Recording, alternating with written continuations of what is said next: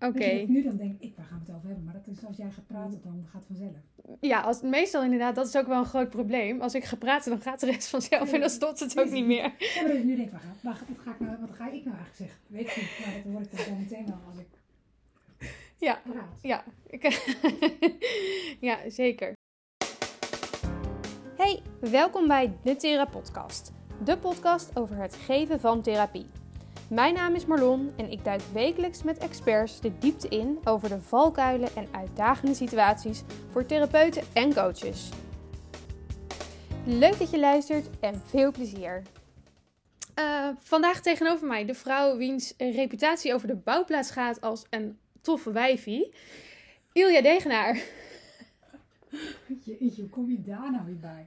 Daar moest ik ineens aan denken Ja, vanmorgen. nee, dat is wel zo. Ja. Dat, dat is, van oudsher ben ik inderdaad onder de eh, mannenpopulatie van Utrecht als een tof wijfie, maar dan wel in het kader als hulpverlener. Hè? En niet eh, in zijn algemeenheid. ja, daar doe ik verder geen uitspraak over. Nee. Waar dat is ontstaan. Nee, waar klopt. Maar dat, eh, daar moest ik vanmorgen even aan denken. Toen dacht ik, nou, die gooi ik er even in vandaag. Ja, Ja, hoe is het met je? Ja, op zich wel goed. Beetje moe, gekke week. Een hoop eh, dingen eh, aan de hand. Er is natuurlijk een hoop eh, werk, eh, druk op school. Het loopt hier heel hard. Eh, vandaag is de verjaardag van onze collega Judith, die helaas vorig jaar is overleden. En eh, gisteren was het 60-jarig jubileum van eh, de beroepsorganisatie Kindbehartiger. want, Ja, eh, zes, hè? Zes jaar. Ja, nee, het klonk, ja, het klonk alsof je 60 zei. Ja, I wish. Nee, echt niet. Zesjarig eh, bestaan. Wat eh, nou ja, in dit kader natuurlijk online gevierd is, maar wel eh, ja, een heugelijk feit was. Dus, Het was ook echt een leuk feestje. ja. zeker. Ik was zelf een beetje dronken, moet ik eerlijk bekennen. Nou, je had ook een hele fles, zag ik. Ja. ja, we een hele grote fles bubbels gekregen met de post. Ja, nou ja, die, eh, ja ik was maar in mijn eentje. Ja, rot voor je. Echt heel vervelend. Ja, nee, oké. maar drukke, gekke week dus. Maar, eh, Ja, ja, je merkt het echt. Ik weet niet hoe dat voor anderen is, maar eh, de aanmeldingen lopen echt storm. ja, Ik merk dat veel mensen toch nu echt, eh, nou ja, corona moe zijn. Maar ook echt merken van, ja, weet je, nu, nu vind ik het niet meer oké. Ja.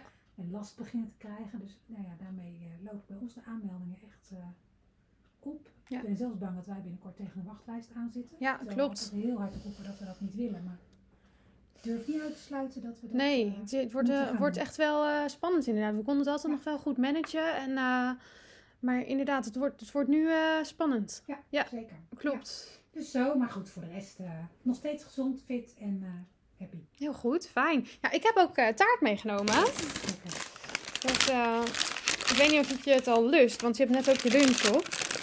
Anders mag je er gewoon naar kijken. Nou, niet Ze zijn wel heel mooi. Oh, wauw. Ja, want eh, nou ja, Jut is natuurlijk jarig. En eh, vanmorgen, of gisteren, eh, ja, knalde dat besef er ook wel even weer in. Toen had ik wel een seconde moeilijk. En vanmorgen dacht ik, potverdorie, als Jut dit ook eh, zou zien allemaal, dan zou ze me waarschijnlijk schop onder mijn kont geven. En dus ik ga nu taart kopen, dacht ik. En we gaan gewoon taart eten, want dat hadden we anders ook gedaan. Dus we gaan Ja. taart eten. Zeker. Ja. Dus ik heb een mooie vrolijk gekleurde taart uitgekozen. Ik besefte me dus toen vanmorgen toen ik in de winkel stond hoe moeilijk het is om taart uit te zoeken voor iemand anders. Want ik wist helemaal niet wat voor taart jij eigenlijk lekker vond. Wij Oh. eten nooit taart samen. Eh, nee, maar dat is denk ik misschien ook wel het grote probleem. Ik eet alles. Dus daar hoef je ook helemaal niet over na te denken. Nou, we hebben ook mooie sound effect van de taart zo. Ja. Het is dus echt waar, we hebben echt taart. Iedereen mag lekker meegenieten. Ja, Onze blauwe besttaart. ja het is een soort eh, combi van een kwarktaart en een tompoes. Ja, oké. Nou, Eh, zei de bakker. interessant. Ja, ja. ja. Hey, ehm, we hebben een heel leuke verzoekvraag gekregen en daar gaan we het vandaag over hebben. Ehm, de verzoekvraag die luidt namelijk: Is het als therapeut belangrijk dat je zelf erge dingen hebt meegemaakt? Erge dingen. Erge dingen, ja, erge dingen. Tussen aanhalingstekens erge dingen. Hè, dus moet je, ehm, ja, moet je klappen hebben gehad eh, eh, om een goede therapeut te zijn? Of, of, want ik zie het inderdaad wel eens in mijn omgeving of... eh hebben mij op de opleiding zit ook iemand eh, en die zegt van ja, ik heb eigenlijk gewoon een supergoeie jeugd gehad. Ehm, en die, die zich daar dan ook bijna schuldig over voelt om dat uit te spreken. Ja. Ehm, waar dan, waarbij ik dan denk, oh, ze bestaan. Ja. Het bestaat. Mensen die gewoon echt, eh, ja, op hun, laten we zeggen, 25ste nog niet heel iets ergs hebben meegemaakt. Ehm, en kan je dan een goede therapeut, coach, maatschappelijk werker zijn? Of uh, ja, weet je dan niet hoe het leven werkt? Aan de ene kant denk ik, joh, wat fijn dat je niks hebt meegemaakt. Aan de andere kant is natuurlijk de vraag, wat is erg? Ja. Want wie, wie definieert dat? Hè? Natuurlijk, één kan zeggen van, joh, uh, um, het ergste wat ik meegemaakt heb is dat een ouder is overleden. Maar ik heb eigenlijk verder een prima jeugd gehad. Want de omgeving heeft het allemaal fantastisch opgepakt. Ja. En iemand die uh, ja, zichzelf heel erg onzeker is omdat ze door een nichtje uh, regelmatig voor dikzak uitgemaakt werd. Het werd verder eigenlijk helemaal niet gehoord of gezien, maar het ging wel uh, vreten. Kan dat eigenlijk als heel belemmerend ervaren en zich daardoor heel goed verplaatsen in hoe het voor een ander kan zijn. Ja. Ja, ik vind het een super boeiende vraag. Leuk hè? Ja, want hij kan eigenlijk alle kanten op. Want ik, je hoeft, hem ook nu niet, je hoeft ook nu niet al een antwoord te geven. dus dat is wel. dat is misschien een beetje bevrijdend. Maar ik vind het sowieso hartstikke leuk dat we. We krijgen nu wat verzoekvraagjes binnen. En dat vind ik gewoon uh, super leuk. Want dan kan, zie je ook een beetje wat er, wat er speelt, ja. waar mensen benieuwd naar zijn. Hey, um, dus ik heb een aantal stellingen uh, voorbereid. En die ga ik er gewoon ingooien. En aan de hand van de stellingen gaan we dus kijken of we uiteindelijk antwoord kunnen geven op deze vraag. Want ik heb er zeker ideeën over. Ja. En uh, jij ongetwijfeld ook. Hey, dus de eerste stelling die luidt: ervaringsdeskundigen zijn de beste therapeuten. Uh, ja en nee. Dat is leuk. Ja, dat is lekker. Ja, dat is Mensen komen hier voor antwoorden, Julia. Ja, ja. Ik denk wel dat uh, het gewoon heel fijn is als je, je dingen hebt meegemaakt. Waardoor je zelf kan verplaatsen in uh, hoe het kan zijn. Hè? Dat je mee kan bewegen. Dat je ook kan delen over je eigen ervaring. Mm -hmm. uh, maar ik denk ook dat het soms tegen je kan werken. Want helaas zie ik ook natuurlijk wel therapeuten die uh, zijn gaan werken vanuit hun eigen ervaring. Maar dat dus ook de manier waarop zij ermee zijn omgegaan als de manier hmm. zien om ehm, anderen te gaan helpen. Zo van, nou weet je, dit heeft mij geholpen en dat Ja. moet de hele wereld weten. Ja. Weet je, waardoor het een eh, one size fits all eh, plaatje wordt. En daar geloof ik dus helemaal niet in. En ik zie ook therapeuten die eh, therapeut worden, vooral ook om zichzelf te helpen. Ik weet dat ik echt, echt, nou ik heb echt al heel veel opleidingen gedaan. Maar er zit wel heel vaak iemand bij dat ik denk, my gosh. Ik heel erg als ik dat zeg, maar ik denk, man, dat die door de intake heen is gekomen. Joh, had Mhm. eens even een, een, eh, zelf een therapie, hè, weet je. Dat, stagneert mijn trainingsstuk. Omdat er zoveel verwerkingsstukken nog in zitten. Denk je, jeetje, help. Het gaat dan heel vaak hè, bij dat. Ik, ik snap precies wat je bedoelt, namelijk. Bij elk ja, stukje stof of alles wat besproken wordt, komt dan de eigen ervaring weer op tafel. Hè? Van, oh, maar bij mij was het zo. En, en diegene eist dan heel veel aandacht op. Ja. Ehm, ja, ik, ik herken het ook inderdaad. En, maar dat wil niet zeggen dat als ze dat doorlopen hebben, dat het daarna niet perfect eh, hele fijne therapeut kan Nee, nee, nee, nee. Ik weet alleen dat ik, ik daar zelf persoonlijk heel veel moeite mee heb gehad. Ik dacht, man, weet je, doe eerst het een en dan het ander. Ja. Weet je, en waarom ga je dit dan doen? Hè? Zo van, nou, maar dan moet ik dit dus gaan doen, eh, want eh, ik ben, dit is op dit moment een thema in mijn leven. Mhm. Dus dat vind ik. Terwijl de andere kant zie ik ook hele fijne therapeuten. Hè, nou ja, jonge meiden zoals jij zelf ook. ehm, waarvan ik soms wel eens denk, ja, hè, lekker boekenwijsheid. Ga eens met je, met je benen in de klei staan. Die het fantastisch doen. Ja. Die zo goed aansluiten, zo goed aanvoelen. Die zo intuïtief eh, ja, het vak in hun vingers hebben. Weet je, en daar helemaal niet vreselijke dingen voor hebben moeten ervaren. Nee. En heel blanco en puur kunnen zijn. En dus ook oprecht nieuwsgierig kunnen zijn van, maar hoe is dat dan van jou? En niet vanuit een alwetendheid. Nee. Weet je, dus dat vind ik Want dat is natuurlijk een goeie, dat is een hele mooie die je zegt. Want dat is een heel grote valkuil. Dat je je nieuwsgierigheid en je doorvragen en hoe iets voor iemand is, dat je dat e- vergeet omdat je zelf al weet hoe het is. maar precies. dat wat jij weet is niet per definitie voor de ander natuurlijk zo. Nee. Nee. Nee, dat is wel een mooie. En, en ik merk dat eh, bij mezelf ook wel eens dat ik daar, dat wel eens lastig vind. Want ehm, nou, ik zou absoluut niet zeggen dat ik geen erge dingen heb meegemaakt, maar andere dingen. Hè? En ehm, als ik bijvoorbeeld een rouwtherapie heb of rouwklanten, en zeker in een, ehm, in een eh, lotgenotengroep, dan vind ik het wel eens moeilijk, omdat eh, mijn vader en moeder, die zijn niet dood. Om, om dan iets te kunnen delen hè, en, en te kunnen levelen, omdat ik dan denk, ja, maar mijn vader en moeder zijn niet dood. Hè, dus ik heb dat erge, wat jullie hebben, dat heb ik niet. Nee. Ehm, dus ik struggle daar wel eens mee. Dat ik dan denk van nee, ik kan op dat niveau niet eh, bedenken. Oh ja, dat voelt zo. Want ik weet niet hoe het voelt als, als je vader of moeder dat- dood dat is. Een, een overtuiging en een aanname. Ja, Terwijl ik denk, het gaat helemaal niet om de gebeurtenis. Het gaat om wat je daar, eh, hoe je ermee omgaat. Ja. Weet je, en ik, want ik weet dat ik ooit in een training had ik een, eh, een jongen, zat bij de scouting, wilde heel graag ook bij achter de regenboog gaan komen werken. Die zei ook, ik heb nooit wat meegemaakt. En toen zei ik tegen hem, kan je nog herinneren de allereerste keer dat je verliefd was?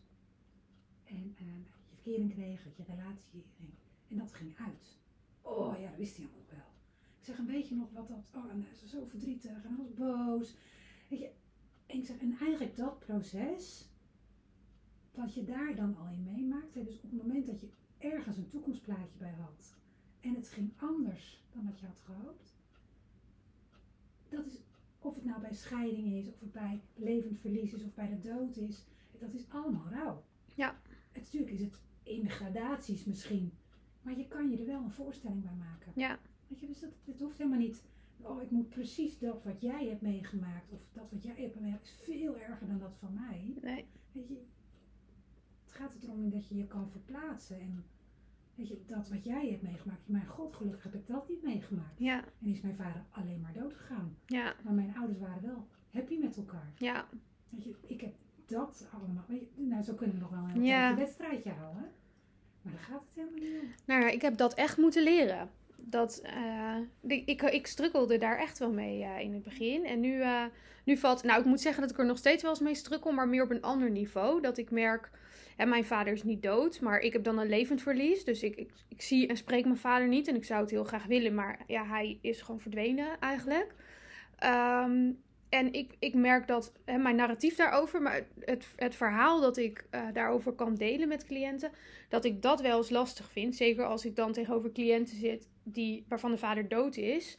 Ehm, dat ik dan moet zeggen van, eh, als dan vragen ze vaak aan mij, heb jij dat ook? En dan zeg ik, moet ik zeggen nee, want mijn vader leeft eigenlijk nog, maar ehm, ik ben eigenlijk ook heel verdrietig. Of hè, ik heb eigenlijk ook een verlies. En dat vind ik nog wel eens moeilijk. Dan voel ik me soms een beetje een valsspeler of zo. Een beetje hypocriet. Omdat hij is niet dood. Nee, klopt. Eh, maar hij is er ook niet. Maar ik wou zeggen, hij, ja, je hebt hem niet in je leven. Nee, maar dat- dat vind ik soms... ehm, dat vind ik nog steeds wel eens moeilijk. Dat ik dan denk... eh, wat, wat zeur ik of zo, hè? Dat, je, dat die anderen hebben het veel erger. En dan durf ik het bijna niet hardop te zeggen dat dat mijn eh, verlies is. Nou, nou goed, en hier, ik denk dat we hier nog hè, ook een hele podcast aan kunnen wijden. Want ik denk, ik vind het een heel mooi thema. Hè, als ik heel even, als we de- om deze eventjes door te pakken dan, denk ik ja.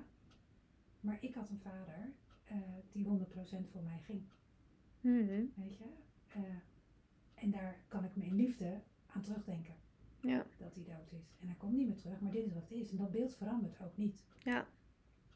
Dat is voor jou echt heel anders. Ja, ik heb een, een vader die ik altijd heb gewild, maar die eh, er nooit. Hij is er wel, maar hij kiest er bewust voor, een soort van, om mij niet te willen zien. Zeg maar. Dus ik heb continu een, een, ehm, een verlangen naar een vader dat, eh, dat je niet echt op kan geven. Ook al zeg ik, hè, en doe ik rationeel, denk ik, ik geef het op. Het wordt niks meer, laat maar. In je hart blijf je altijd hopen, misschien staat hij wel voor de deur. En ehm, ik heb, toen ik eh, tiener was, toen heb ik ook heel vaak had ik een bijbaantje. En ik weet dat ik heel vaak fantaseerde. Ik werkte in de HEMA. Dat mijn vader ineens in de winkel stond. Elke werkdag ongeveer fantaseerde ik dat weer. Dat hij er ineens stond. En dat we. En hij is natuurlijk nooit gekomen. En nu heb ik dat veel minder. En nu, nu kan ik het wel. eh, nu is dat oké. Maar ehm, ik, ik denk wel eens dat dat verlangen. eh, en dat die hoop pas eh, st- stopt als hij echt dood is. Nee, Want dan kan hij nooit meer. Dit blijft natuurlijk een eindeloos gesprek hè, tussen mensen die iemand moeten missen door de dood of door een scheiding. Ja, Weet je, dat open einde. En het blijft natuurlijk al, je, het is nooit zeggen het een is beter dan het ander. Maar ik weet dat er heel veel mensen zijn die eh, in scheiding iemand moeten missen. Zeg ik wel, maar dat hij dood was, dan was het duidelijk. Mhm. En mensen die zeggen mensen moeten missen door de dood, die zeiden ik wou dat het was door een scheiding. Dan was er ook nog de kans ja, dat het weer goed kwam. ja, Weet je, dus zeg het maar. ja dat, is, dat is ook het, Weet je, dus het ding. Weet je, en dan zeg ik, nou, wij hebben het natuurlijk altijd over ehm leedconcurrentie. Mhm. Weet je, Ik blijf dat een prachtig woord vinden. Ja, heel mooi woord. Blijft hij natuurlijk ook geweldig. Weet je, maar dus, da- daar, gaat, daar gaat het dus ook niet om. Het gaat niet over de grootte van je live event. Het, is, het gaat er uiteindelijk om nou ja, dat je je kan voorstellen dat er dingen in het leven van een persoon gebeuren. Want er gaan mensen op, op, op, op 80 manieren dood. En we kunnen eh, verschillende mensen hebben aan een hartstilstand. Maar of die nou rennend in de duinen doodviel, of in zijn bed doodgebleven is, of achter het stuur. Weet je, het is al, elke manier is uniek. En elke Ja. persoon is uniek. En elke ervaring is uniek. En hoe iedereen ermee omgaat is Ja. uniek. Weet je, dus het gaat altijd over voor jongen, wie ben jij? En eh, hoe is het voor jou?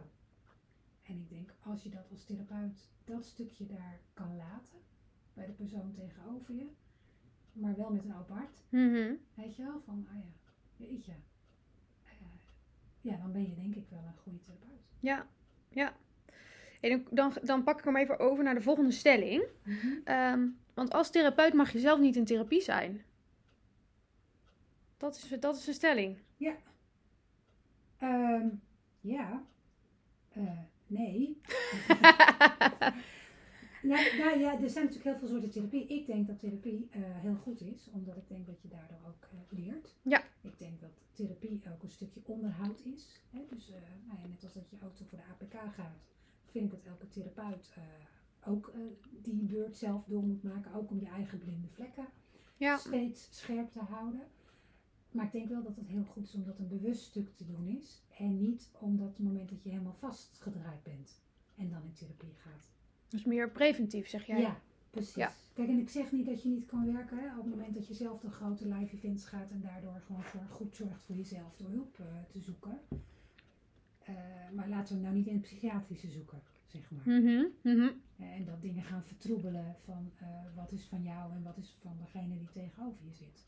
Weet je, dat je wel je professionele stuk van je ik, eh privéstuk nog wel kan scheiden. Ja.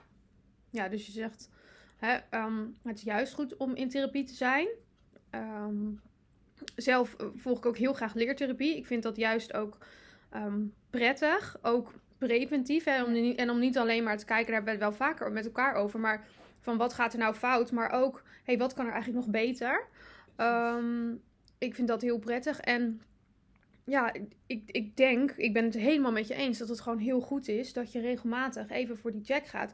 Zelfs als je geen therapeut of coach bent, ehm, denk ik dat het voor gewoon elke Nederlander zou het eigenlijk toch hartstikke fijn zijn als je gewoon, nou, misschien eens per jaar een keer één of twee gesprekken hebt en dan eh, kan je weer door. Ja, nou, ik zeg altijd, ik gun iedereen altijd een kleine burn-out. Even zo'n reset van, joh, wat ben ik nou eigenlijk aan het doen en wil ik dit eigenlijk nog wel? Ja, Weet je, gaan eens even checken van waar sta ik nu, eh, hoe, hoe zie ik de wereld en hoe ziet de wereld mij? ja. Ik denk dat er helemaal niks mis mee is. Nee, nee, en ik denk ook dat het goed is wat je net uitlegde. Dus dat je als, eh, ook als therapeut zijn, dan kan je ook je eigen eh, problemen best wel hebben. En je kan natuurlijk zelf door een live event gaan. Daar hebben we eerder ook een podcast heel uitgebreid over opgenomen. Ehm, maar ook als eh, hè, stel, ehm, ik als therapeut kan best wel last hebben van ehm, een, een negatief zelfbeeld of zo. Hè? Of eh, onzekerheid op een bepaald gebied. En dat is dus mijn privé stukje. En daarover kan ik in therapie zijn. En, maar dat zegt niet dat ik eh, geen goede rouwtherapeut daarnaast kan zijn of iets anders. En het zit natuurlijk ook, een bepaalde cliënt, eh, die, triggert je steeds.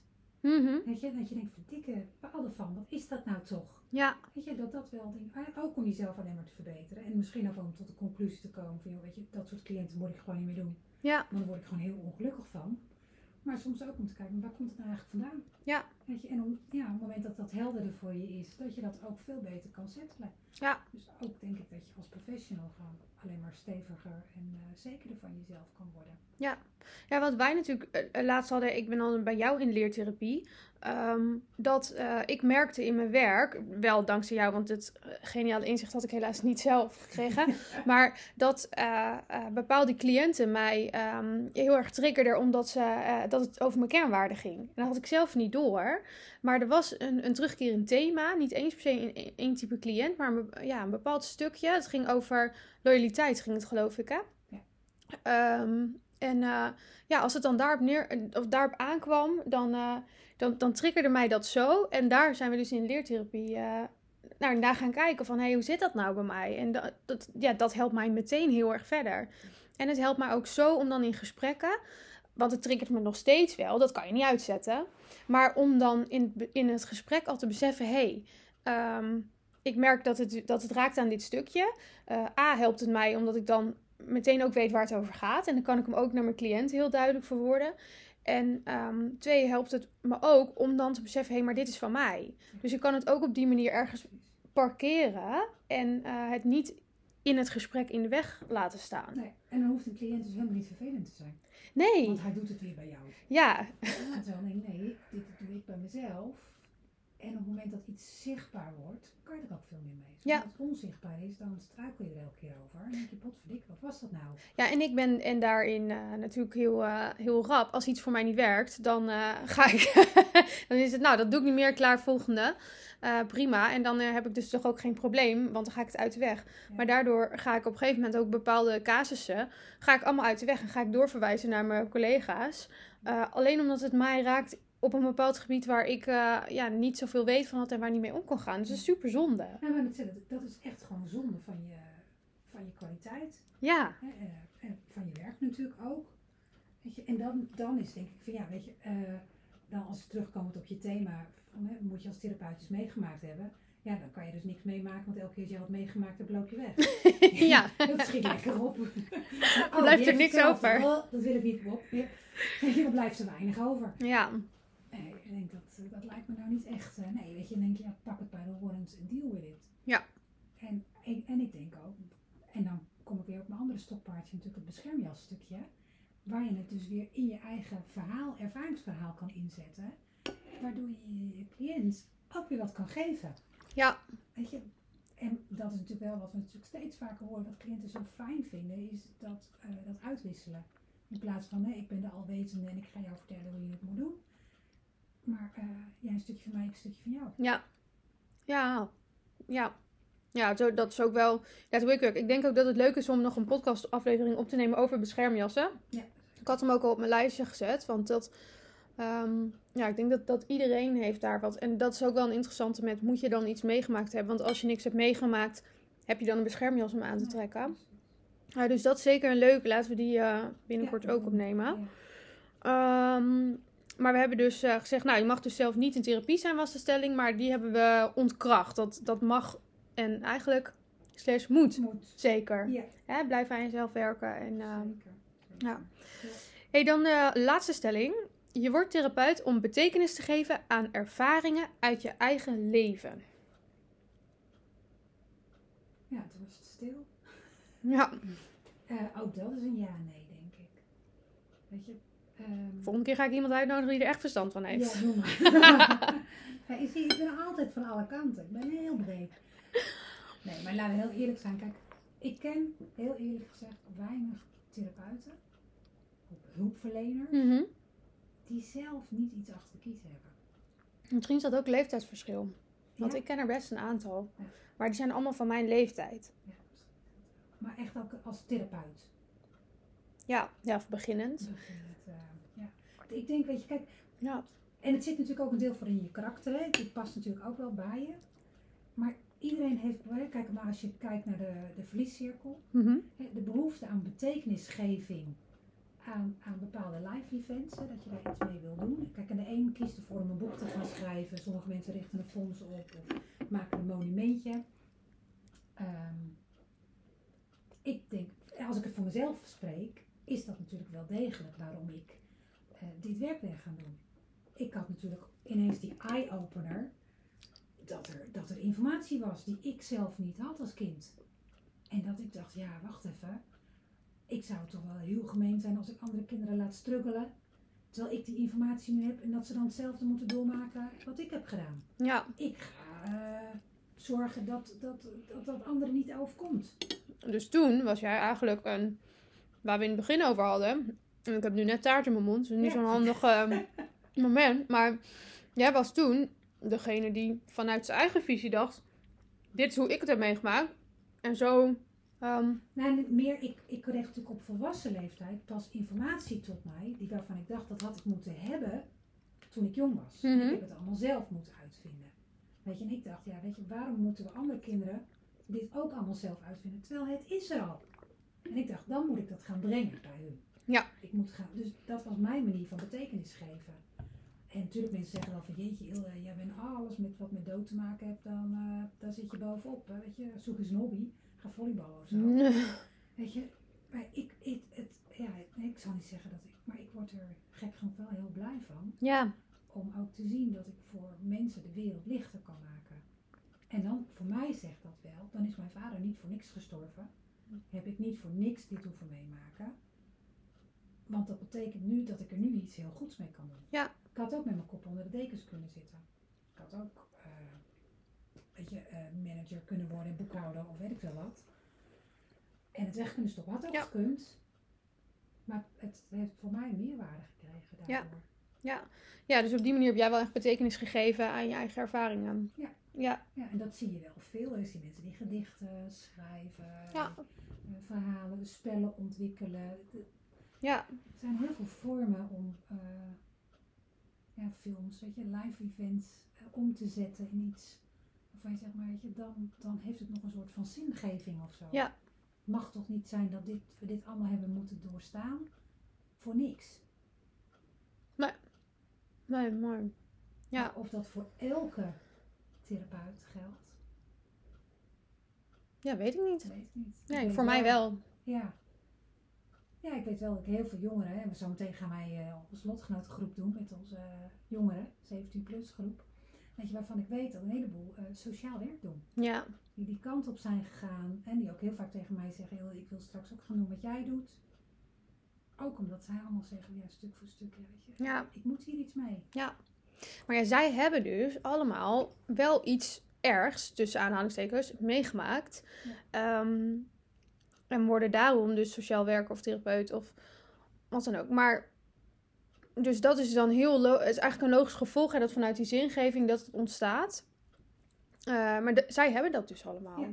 Ja, Ja, ja, goed, en dat is natuurlijk van wanneer eh, eh, is het om betekenis te geven. Mhm. Dat is natuurlijk wel vaak vanuit een eigen ervaring. ja, daar betekenis aan willen geven.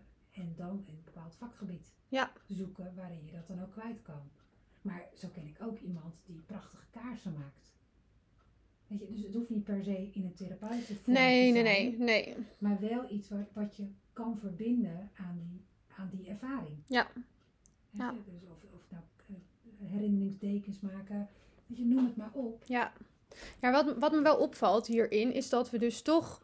ehm, hè, wij vinden niet dat je iets ergs moet hebben meegemaakt om therapeut te zijn of om een goede therapeut te zijn. Dat, dat is niet zo. Bovendien gaf je al in het begin aan, zijn er dus best wel ehm, erge dingen die je kunt hebben meegemaakt zonder dat je het weg hoeft te schrijven onder mijn vader of mijn moeder is dood of, of hè, ik heb zoiets, een groot live event meegemaakt. Er zijn ook kleine dingen die heel impactvol kunnen zijn, ehm, waardoor jij je echt wel kan verplaatsen in mensen. Ehm, bijvoorbeeld als het gaat om een verlies. En dan gaf je bijvoorbeeld liefdesverdriet als, eh, als voorbeeld. Maar toch komen wij in, in het gesprek dat we hebben toch wel vaak op eh, dat de mensen die zelf iets ergs eh, hebben meegemaakt, therapeut worden vanuit betekenisgeving. Dus misschien is dan de kans eh, groter omdat dat dan op je pad komt en dat, dat, dat pad volg je dan. Dus er zijn misschien meer mensen die iets ergs hebben meegemaakt en daardoor dit werk gaan doen. Maar dat wil niet zeggen dat het groepje mensen die dat niet per se heeft, maar die dat is geworden omdat het gewoon heel erg aansprak. Of omdat het gewoon echt in je, in je DNA zit om hulpverlener te worden. eh, die zijn niet per se slechter. Nee, zeker niet. Ik denk, nou ik denk dat dat voor ons allebei geldt. Hè. Wij werden van, nou, jij zei het ook al, jij werd ook al op de basisschool eh, moedertje genoemd. Ja, Hè, ik ook. Ik werd was altijd mama. Al Ja. maatschappelijk werker genoemd. Terwijl toen had ik nog helemaal niks ergs meegemaakt. nee. Dus het zat er al in. En ik zei, eh, mijn zusje, haar vader is ook dood. Die hoor je er nooit over. Nee.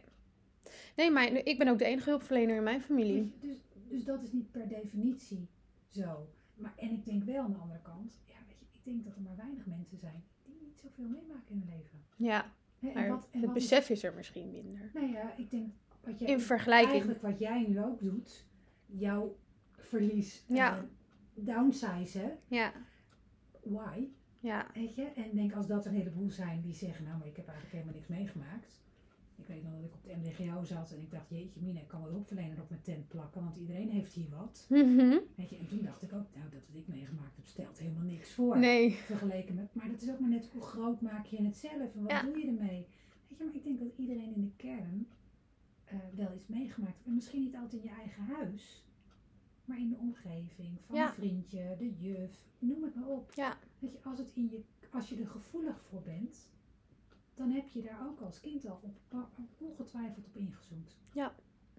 En ik denk daarnaast ook dat het heel fijn is dat er een, een grote groep hulpverleners is die niet eh, uit gebroken gezinnen komt. Of uit, want ik merk ook hè, bij cliënten ook dat het ook heel erg perspectief kan geven. Wat ik eigenlijk al zei, van oh ze bestaan.